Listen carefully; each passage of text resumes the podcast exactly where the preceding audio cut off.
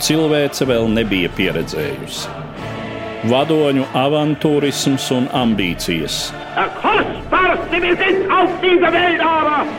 Valsts vīru neizlēmība un ilūzijas. Arvien jaunas valstis ievilktas kara virpulī. United States of America was suddenly and deliberately attacked. Nežēlīgi malti cilvēku un tautu likteņi. Lai dzīvo darba tautas draugs un ģeniālais vadonis biedrs Stalins. Otrais pasaules karš sarunās ar Eduardu Liniņu raidījumu ciklā Satumsums. Labdien, cienījamie klausītāji! Arī šodien piedāvāju jūsu uzmanībai vēstījumu par Otrā pasaules kara norisēm, atzīmējot 75. gadsimtu kopš šī kara noslēguma. Raidījumos izmantoti fragmenti no cikla Satumsums, kas pirmoreiz ēterā izskanēja no 2009. līdz 2015. gadam. Mūsu pagājušajā raidījumā pievērsāmies norisēm Latvijā 1943. gadā, tā izskaitā tobrīd pastāvējušajām dažāda veida un motivācijas pretestības formām nacistu okupācijas režīmam. Daudzi no šiem pretestības virzieniem nebija orientēti uz Latvijas valstiskuma atjaunošanu pēc kara beigām, taču 1943. gadā tappa arī organizācija, kuras darbības pamats pamats bija Latvijas republikas atjaunošana uz 1922. gada satversmes demokrātiskajiem pamatiem, šai nolūkā vēršoties pie rietumu valstu valdībām. Tā bija Latvijas centrālā padome, par kuras dibināšanas datumu uzskata 1943. gada 13. augustu. Organizācijā apvienojās pamatā starpkaru Latvijas politiskās elites pārstāvji.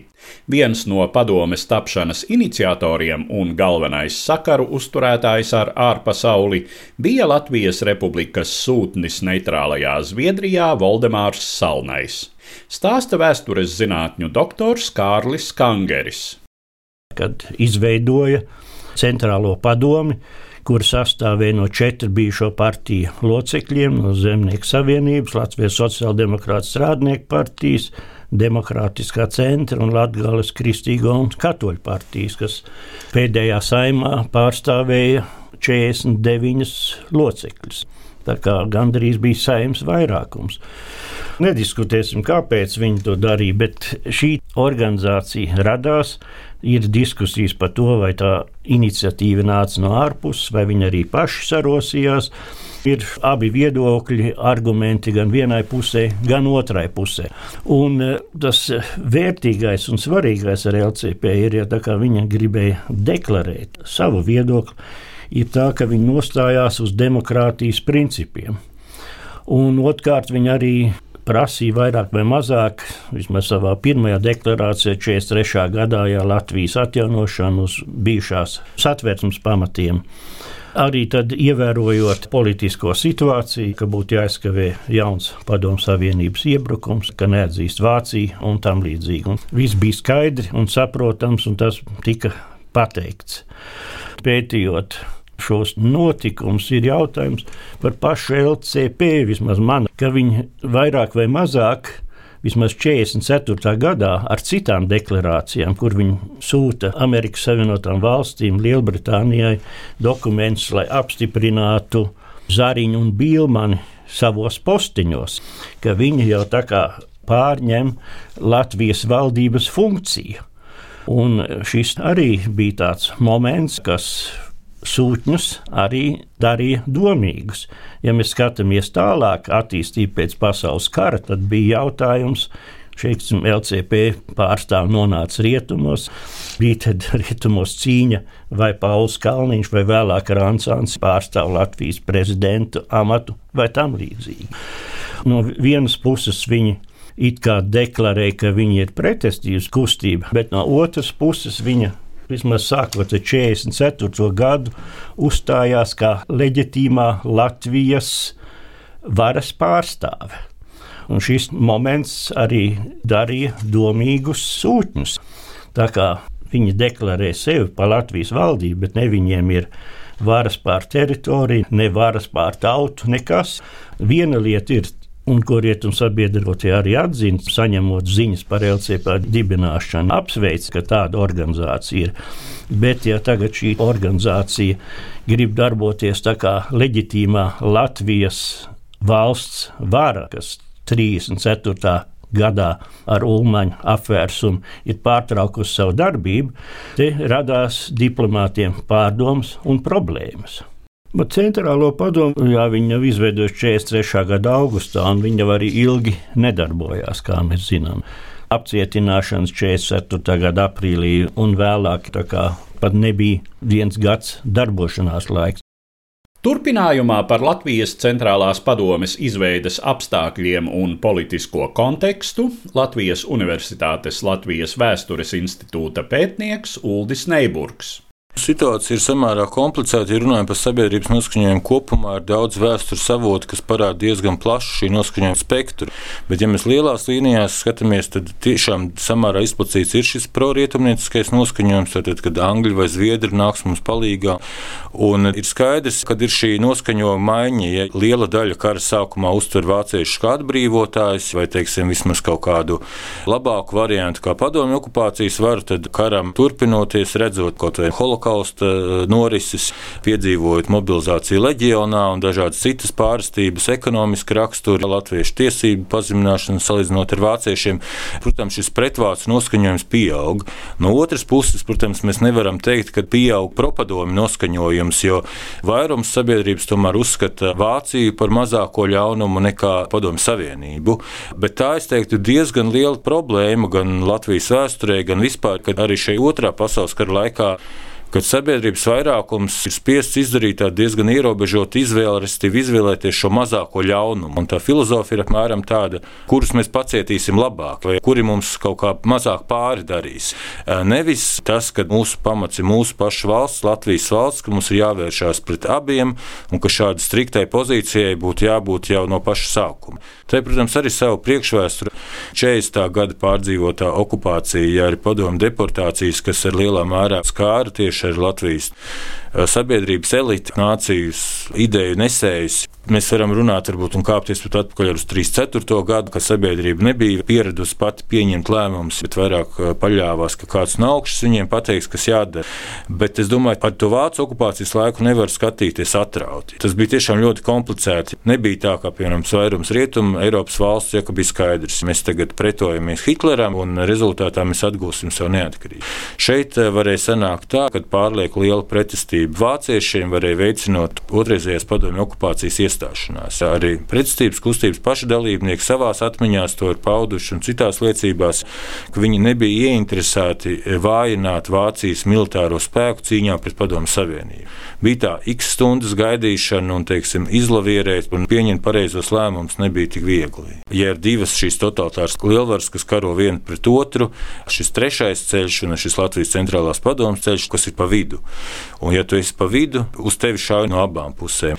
43. gada augusts, kad eh, formāli nodibinās LCP, no vienas puses ir šis atskaites datums, no otras puses politiķi, kas šo organizāciju veido, gan demokrātiskā centra pārstāvji, gan sociāldemokrāti, jau ātrāk, ja gan jau 41. gada, varbūt beigās, 42. gadā pulcējas dažādām nelegālām sanāksmēm, kur apspriež to situāciju, ko darīt, kā teiksim, reaģēt uz eh, izmaiņām kara gaitā. Tāpat uh, mēs zinām, ka jau no 41. gada rudens Vācu okupētajā Latvijā iznāk ar LCP aprindām nesaistīti dažādi nelegālās pretošanās kustības izdevumi. Nelegālais laikraksts Tautas balss iznāk 42. gadā, kur ir kopā tajā grupā kāda apmēram 100 cilvēku tādā Latvijas Nacionālistu savienībā. Tāpat citas gan strādājošo, gan, gan skolēnu, gan jauniešu tādas mazākas pretestības grupas veidojās. 43. gadā daļa pērkoņu krusta organizācijas Gustavs Celmiņa priekšgalā veido savu pretestību pret vāciešiem, kas gan varbūt atkal cits stāsts. Bet tāda neapmierinātība sabiedrībā jau ir, kas pakāpeniski ar vien pieaug. Ja kara sākumā viena daļa cilvēku orientējas uz to, ka ir skaidrs, ka Vācija uzvarēs karā un tāpēc kaut kādā veidā ar to jāsadarbojas, tad jau vairākus mēnešus vēlāk, īpaši jau 42. un 43. gada ziemā, pēc sakāves Staļingradas kaujā, kļūst skaidrs, ka Vācija karu zaudēs. Un atkal ir pavisam cita situācija. Konkrēti par LCP izveidošanos, tātad viena puse ir, ko šie bijušie politiķi savā diskusijās apspiež un pie kādiem slēdzieniem nonāk. Otrs ir Latvijas sūtnis Stokholmā, Valdemārs Salnais, kas aktīvi kara laikā darbojās. Viņš diskusijās ar lietuviešu un ar igauņu diplomātiem nonāk pie slēdziena, kad ir svarīgi ne tikai Latvijas diplomātiem rietumos, kā Latvijas gadījumā tas ir sūtnis Vašingtonā Bilmans vai sūtnis Londonā Zariņš, paust savu viedokli vai paust pozīciju par Latvijas valsts tiesisko statusu, par to, ka Latvijas valsts turpina de jure pastāvēt, bet svarīgi, ka to paustu arī kāda pretestības kustības organizācija, respektīvi kāda politiska organizācija okupētajā dzimtenē. Līdz ar to arī sūtnis Salnais aicina tāds igauņu kurjers eh, caur Somiju un Igauniju nonāk Latvijā. Eriks Laits, arheologs, zinātniskas komandējuma it kā ietvaros un aizved vairākas salnā vēstules uz Latviju. Un, uh, tur tiek izteikts aicinājums, jā, kad ir svarīgi nodibināt šādu politisku pretestības centru, jo tāds līdzīgs jau Igaunijā ir līdz tam izveidots.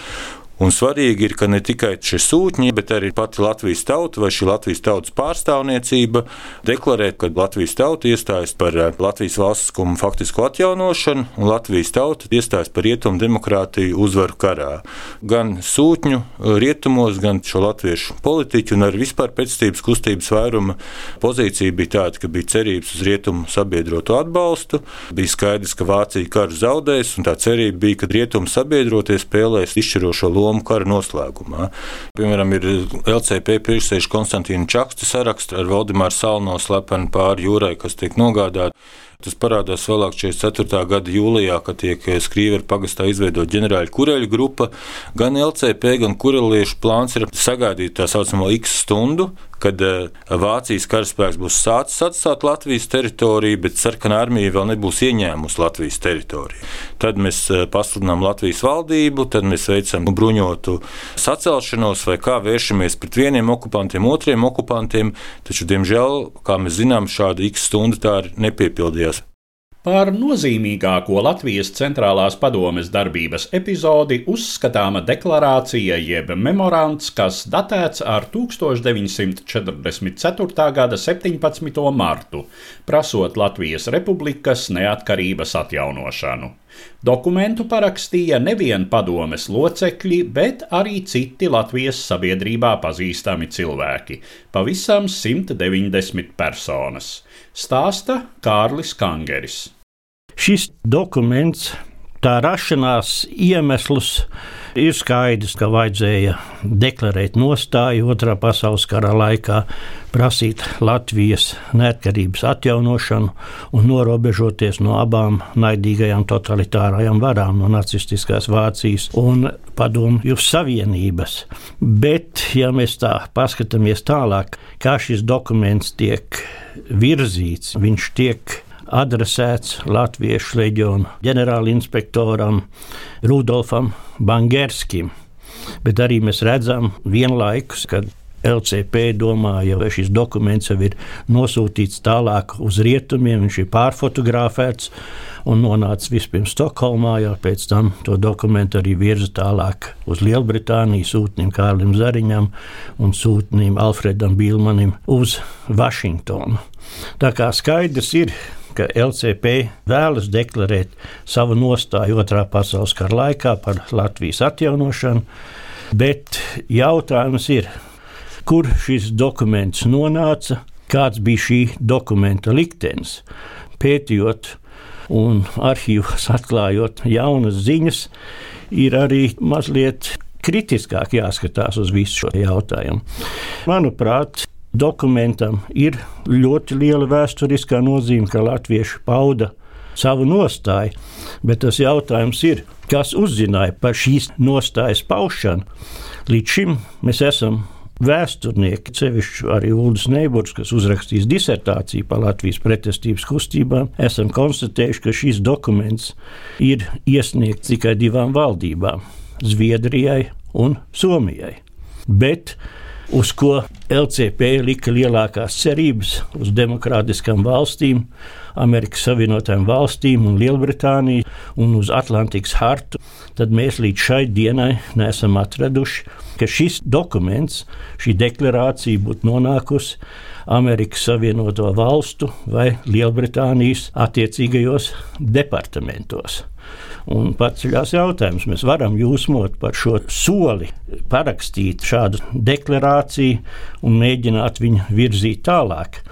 Bet arī tad mums jājautā, kādas bija sekas, kādi bija iznākumi. Latvijas sabiedrībai šaubos, vai kaut ko par šo dokumentu vispār uzzināja.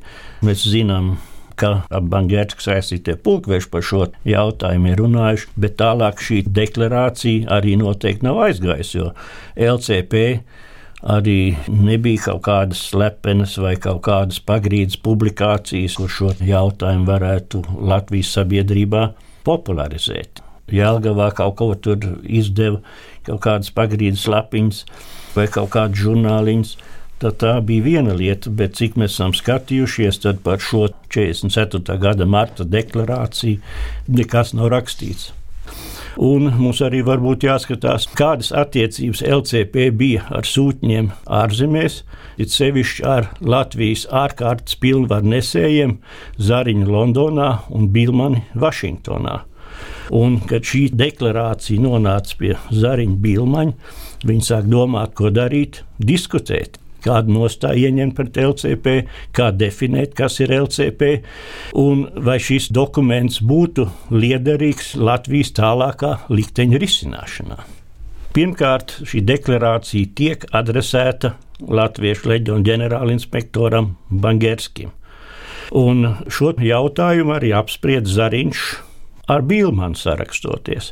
Viņa arguments bija, ja šī deklarācija būtu patiešām iesniegta, tad mēs bez šaubām varētu domāt par tā tālāk virzīšanu. Bet tā kā šī deklarācija bija adresēta Bangerskim, un Bangerskis viņu nepieņēma, tad diplomātiem radās šaubas, vai ar šādu deklarāciju var griezties pie sabiedrotiem, tā kā tā būtu leģitīma deklarācija. Mums nevajag aizmirst, ka jau 43. gada oktobrī Pangerskim iesniedz arī vienu deklarāciju. Tas sakarā ar leģionu veidošanu, sarkanā armijas tuvošanos Latvijai un arī ar prasību atjaunot Latvijas neatkarību, ko bija parakstījis 40 redzams sabiedrības darbinieki. Arī visi šie vārdi parādās LCP deklarācijā. Un šo deklarāciju Bangerskis pieņēma, un virzīja tālāk Himleram, bet bez reakcijām. Vienīgais Himlers apstiprināja, ka no Bangerska šāda deklarācija saņemt un āmen. Vāciešu pārvaldē bija noteikts, ka viņi ar latviešiem nedrīkst runāt par valstiesiskiem jautājumiem. Piemēram, arī Latvijas zemes pašpārvalde vairāk kārtī, vismaz es esmu saskaitījis, astoņas reizes ir iesnieguši dažādas deklarācijas, memorandus, kuros prasa Latvijas neatkarības atjaunošanu. Bieži mēs redzam, šos memorandus vai deklarāciju sūta atpakaļ vai liek latviešiem atsaukt. Un Bangerskis jau vienreiz bija šādu deklarāciju iesniedzis, un otrreiz viņš domāja, arī, cik mēs varam redzēt no leģiona dokumentiem, apspriedēm starp Veisu un Bangerski un Silgaili un Plensneri, kad viņi īsti neusticējās arī cielēnām. Tā kā viņi pieņēma jau, ka šī deklarācija ir aizsūtīta bez viņiem un ka viņi varbūt domāja, ka LCP ir kaut kādas spēlītas vai kaut kādi citi motīvi. Tāds jautājums neizbēgami rodas. Nu, kāpēc tieši Bangerskim? Kāpēc tieši viņš ir adresāts? Varbūt tāpēc, ka viņš 43. gada oktobrī jau bija pieņēmis vienu deklarāciju un virzījis tālāk. Un Bangerskis tomēr, kā leģiona ģenerālinspektors, baudīja diezgan lielu uzticību. Un galvenokārt arī, ka viņš bija drīzāk saistīts ar SS struktūrām, kas varbūt Latvijas neatkarības vai autonomijas jautājumos bija pozitīvāk nostādīta nekā civila pārvalde. Jo mēs zinām, ka 43. gadā bija divreiz pacelts jautājums Vācu pārvaldē līdz augstākām struktūrām Latvijai piešķirt autonomiju. Un šo ideju atbalstīja Reichsführers Himmlers un Rozenbergs bet abas reizes šo ideju noraidīja, jo lielākie pretinieki šai idejai bija ārlietu ministrs Johanns von Ribbentrops un pats Vācijas vadonis Adolfs Hitlers. Un tāpēc Latvijas jautājumā par autonomiju, nerunāsim par neatkarību, arī beigās nekas nesanāca, jo augstākā vara bija pret kaut kādu brīvību piešķiršanu Latvijai vai arī citām Baltijas valstīm. Ja mēs lasām šodien visādas rakstus par LCP un šo deklarāciju, tiek uzsvērts, ka draudēja nāves briesmas vai kaut kas tamlīdzīgs šiem cilvēkiem, tāpēc, ka viņi parakstīja deklarāciju. Bet, ja mēs atkal atgriežamies pie 43. gada oktobra deklarācijas, nekādas represijas pret šiem cilvēkiem nesekoja, kas parakstīja. Ja mēs apskatāmies 44. gada marta deklarāciju, par to, ka kāds parakstīja šo deklarāciju, vācieši nerepresēja vai nevērsās pret tiem. Ja 44. gadā apcietināja LCP vadība, tad viņus neapcietināja tāpēc, ka viņi parakstīs deklarāciju, bet tāpēc, ka viņi vadīja nelegālu organizāciju, teiksim, Kalniņu, Čaksti, Sēju un tam līdzīgi, kas vēlāk nonāca koncentrācijas nometnē Štuthofā. Vāciešiem kļuva zināms šie parakstītāji. Liksim, Vācu arhīvā ir dokumenti, ka viņi zina 160 parakstītāju vārdus. Un Rozenbergs uzdeva drošības policijai SD šos cilvēkus novērot neko vairāk. Bija tāds ieteikums, kad sākās evakuācija, bēgšana uz Vāciju. Daļa no šiem cilvēkiem varbūt vispār nelaist uz Vāciju. Bet tā kā tad sākās lielā bēgšana, juka laika, lielākā daļa arī no tiem parakstītājiem nonāca Vācijā. Un pēc 44. gada decembra vairs šos cilvēkus neizsekoja. Tiešas tā represijas tikai tāpēc, ka parakstījis neizveda. Galvenokārt vācieši uzzināja par LCP darbību, kad viņi noķēra vienu lietuviešu kurjeru, kuram bija daudz LCP dokumentu. Un galvenokārt, kā mēs zinām no vēstures, tad LCP uzturēja sakars ar Igaunu pretestības kustību, ar Lietuviešu pretestības kustību, tikās ja, un apmainījās domās, runāja par nākotnes Baltijas federācijas izveidošanu un tādiem jautājumiem. Un par to viņi būtībā apcietinot šo cilvēku un varbūt ar kaut kādiem no citiem avotiem ieguva skaidrs ziņas. Un tad sākās apcietināšanas, noteikti ar pratināšanās, un visu kaut ko tad uzzināja. Vēlāk arī vāciešiem bija skaidrs, vismaz eh, kopš vasaras, ka LCP caur Zviedriju uztur kontakts ar rietumu sabiedrotiem, angļiem, amerikāņiem. Un to viņi uzskatīja par spiegošanu, kas ir vērsta pret Vācijas reiķu. Un tāpēc arī vadības apcietināšana aizsūtīšanu uz koncentrācijas nometnēm. Tāpat arī šajā jautājumā parādās kureļu grupa. It kā vai nu uzskata par LCP militāro nozarojumu vai nē, arī ar kureļu grupu bija tas pats, ka bija pārķerti cilvēki un bija radiosakari, un arī te noskaidrojās, ka kureļu grupā ir sakari ar ārzemēm, un kureļu grupa arī nodarbojās ar spiegošanu pret Vācijas reiķu. Un te bija skaidrs kārtas Vācijas reiķa vitāls un militārs intereses. Cik nopietni ņēma rietumos šo organizāciju Latvijas centrālo padomu? Ko par to domāja? Vai kaut ko daudz domāja, mēs nezinām. Visvairāk dokumenti ir saglabājušies no Zviedrijas, Amerikas vēstniecības. Heršels Džonsons caur salnāju saņēma materiālus, un viņš sūtīja tos tālāk uz Vašingtonu, bieži rakstot arī savus komentārus. Tāpat arī Londonā bija zināms, ka tāda organizācija pastāv. Bet galvenais, ar ko bija rietumi saistīti, bija tomēr šīs bēgļu laivu aktivitātes. Zviedri bija savā veidā saistīti ar spiegošanu kurzemes krastā. Un es domāju, arī vēlāk priekšplānā arī izvirzījās šis bēgļu jautājums. 44. gadā Amerikas bēgļu padomu sāk atbalstīt Zviedrijā baltiešu bēgļu laivu organizēšanu. Naudu deva Igauniem, Latviešiem, Lietuviešiem. Tad arī Amerikas sūtnis jau bija lūdza Zviedrijas valdībai atļaut ievest baltiešu bēgļus. Tāpat arī, kad Cielēns iesniedza LCP deklarāciju Zviedrijas ārlietu ministrijiem, tad arī pārunāja šo bēgļu pārvešanas jautājumu. Un Zviedri piekrita, ja, ok, Mēs pieļausim, ka jūs ievedat cilvēkus, bet nevediet pārāk daudz. Toreiz bija runa par kādu tūkstošu cilvēkiem. Un mēs zinām, ka laiva akcijās kopā, kur bija sakari ar LCP, pārvērt kāds divu pus tūkstošu cilvēku. Bet tā laiva akcija arī atkal ir tāds. Es negribu neko pārmest vai LCP nozīmi mazināt, bet tur arī atkal man, kā no profesionāla vēsturnieka, paceļās jautājums, cik tās laiva akcijas bija LCP iniciētas, cik tur bija no Zviedrijas slepenā dienas, cik no amerikāņu bēgļu padoms. Vēlāk jau viss šis kaut kāda saplūda kopā un tiek viss saukts par LCP laiva akcijām, bet ja tā sāk tagad visus šos dokumentus izšķidāt, tad ir tādas svārstīgas nostājas. Es šos jautājumus daudz ilgi skatījos ar Zviedrijas visus tos militāros dokumentus. Un ir tas jautājums, cik LCP te varēja kaut ko iespaidot vai nē. Un man paliek tāds iespējas, ka no LCP vadības puses, kas bija Rīgā, čakstu pat laiva akcijām, Viņi sevišķi daudz nav interesējušies, vai vismaz neredzam no viņu dokumentiem.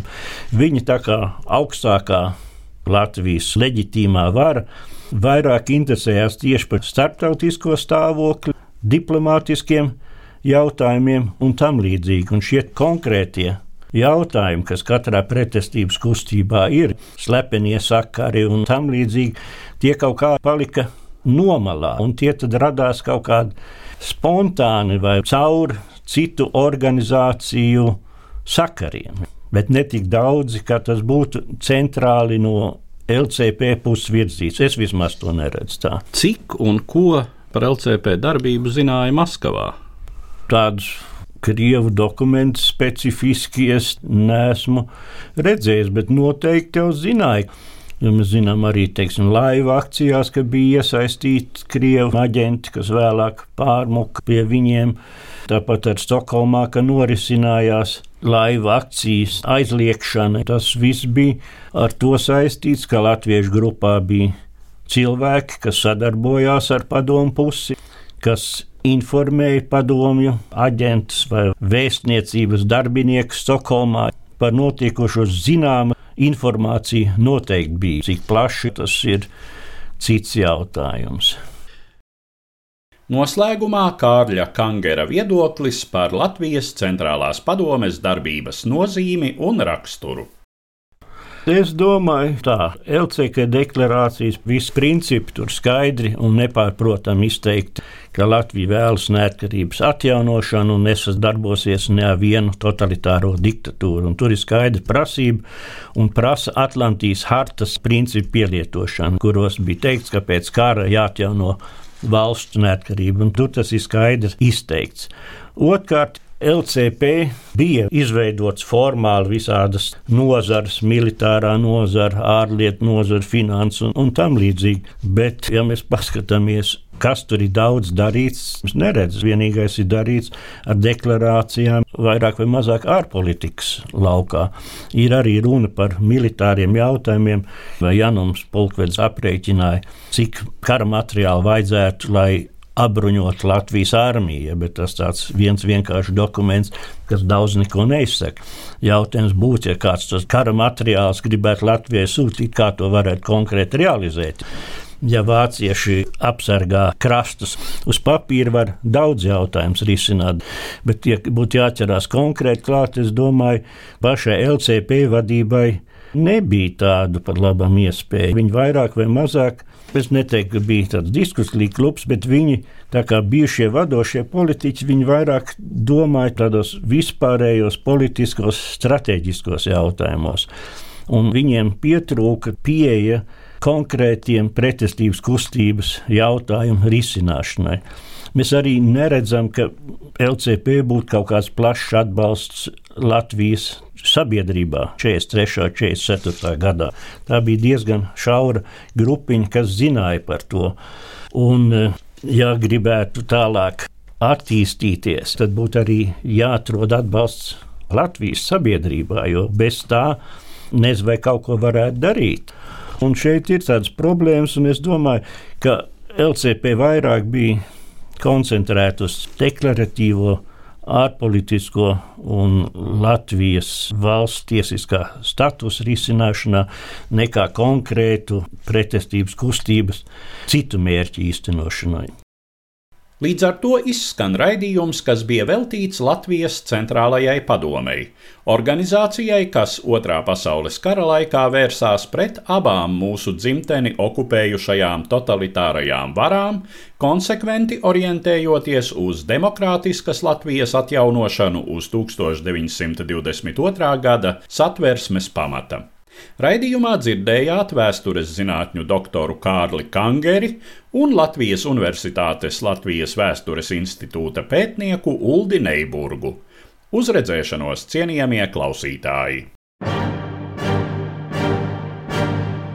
Raidījumā šīs dienas acīm cikls Satumsums - sarunas par Otro pasaules karu.